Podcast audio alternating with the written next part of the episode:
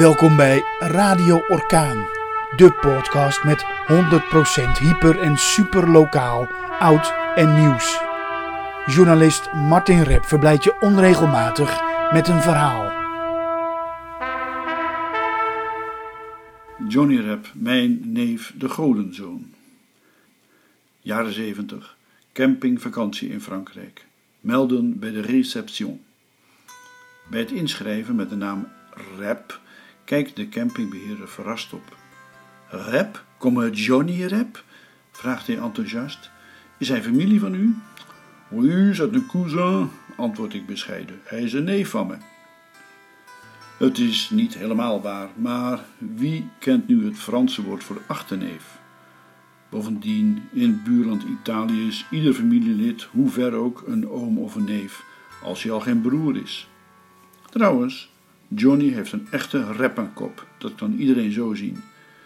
En ik lieg niet, want John en ik zijn echt familie. Dat zit zo. Mijn bedovergrootvader Pieter Rep verhuisde in 1858 naar Zandam. Daarvoor woonden mijn voorouders van geslacht op geslacht in Oostzaan.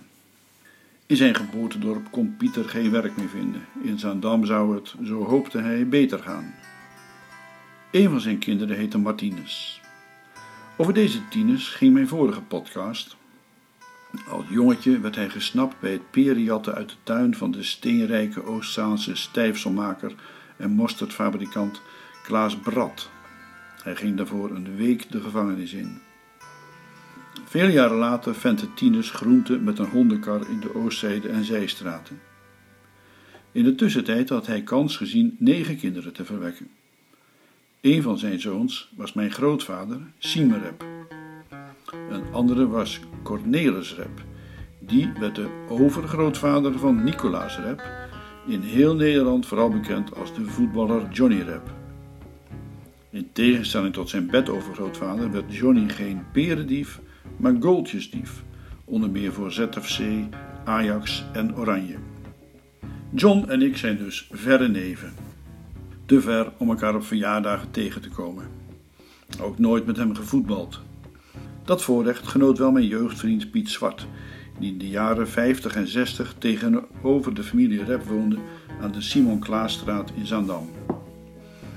Ik heb niet veel herinneringen aan Johnny. Ik was net te oud om met hem te spelen, vertelt hij me als ik hem opbel om meer over Johnny te weten te komen. Ik had meer contact met zijn oudste broer, die net als jij Martin heet. Het waren jongens om rekening mee te houden, zegt Piet. We hadden wel eens ruzie met die reppen en dan kon het heel goed zijn dat er zomaar een steen door je ruit vloog. Dat is bij ons wel eens gebeurd. We speelden soms paaltjesvoetbal, herinnert Piet zich. Doodlopende straat, je trok een paar straatstenen uit het wegdek als doelpalen of je legde een paar jassen neer en dan een partijtje. Ik weet nog heel goed, die Johnny kon pingelen ongelooflijk, toen al. Hij is bij ZFC gaan spelen, maar daar heb ik hem nooit gezien. ZFC speelt op zondag, hè? Dan mochten wij niet kijken. De ouders van Piet waren nog een slagje zwaarder gereformeerd dan die van mij. John had daar geen last van. De beroemdheid van Johnny straalde af op de hele familie Rep. Niet alleen in Franse hotels en op campings werd ik verplicht ingewikkelde gesprekken in het Frans te voeren over de fenomenale prestaties van Johnny. Hetzelfde gebeurde in Italië. Een collega op de redactie van de Volkskrant sprak mij stevast aan met Johnny. Een nichtje van mij overspeelde haar hand toen zij op school vertelde dat Johnny Rep haar oom was. Oh, kun jij er voor foto's met handtekening zorgen? vroeg haar vriendinnetjes natuurlijk.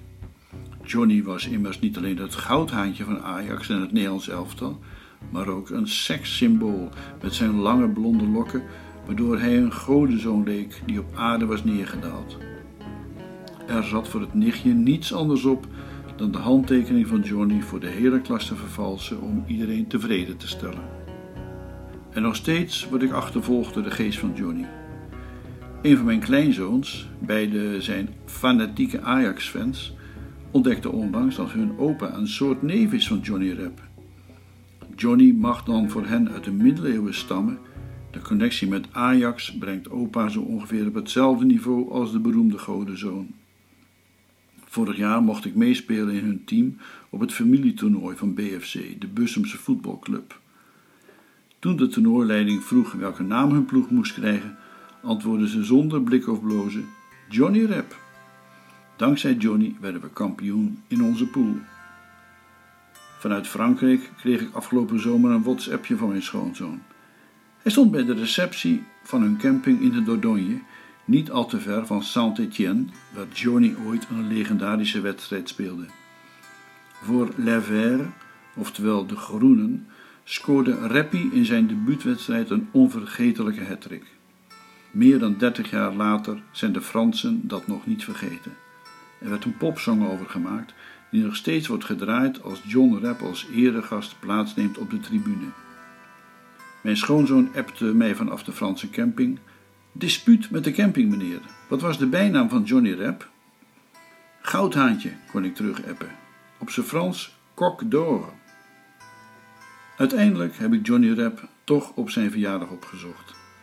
Dat gebeurde toen hij 65 werd. Het was om meer redenen een speciale gelegenheid, want op die dag in 2016 werd het boek gepresenteerd dat Mark van den Heuvel over hem schreef. Johnny Rap, Buitenbeentje heet het, en het is nog altijd verkrijgbaar in de betere boekhandel. Toen ik vijf jaar eerder 65 werd, vierde ik dat met mijn kinderen en kleinkinderen. John pakte het groter aan en nodigde de hele Nederlandse pers uit in het Amsterdamse café Scheltema. Nieuwsgierig stapte ik over de drempel. Over die ontmoeting gaat mijn volgende podcast.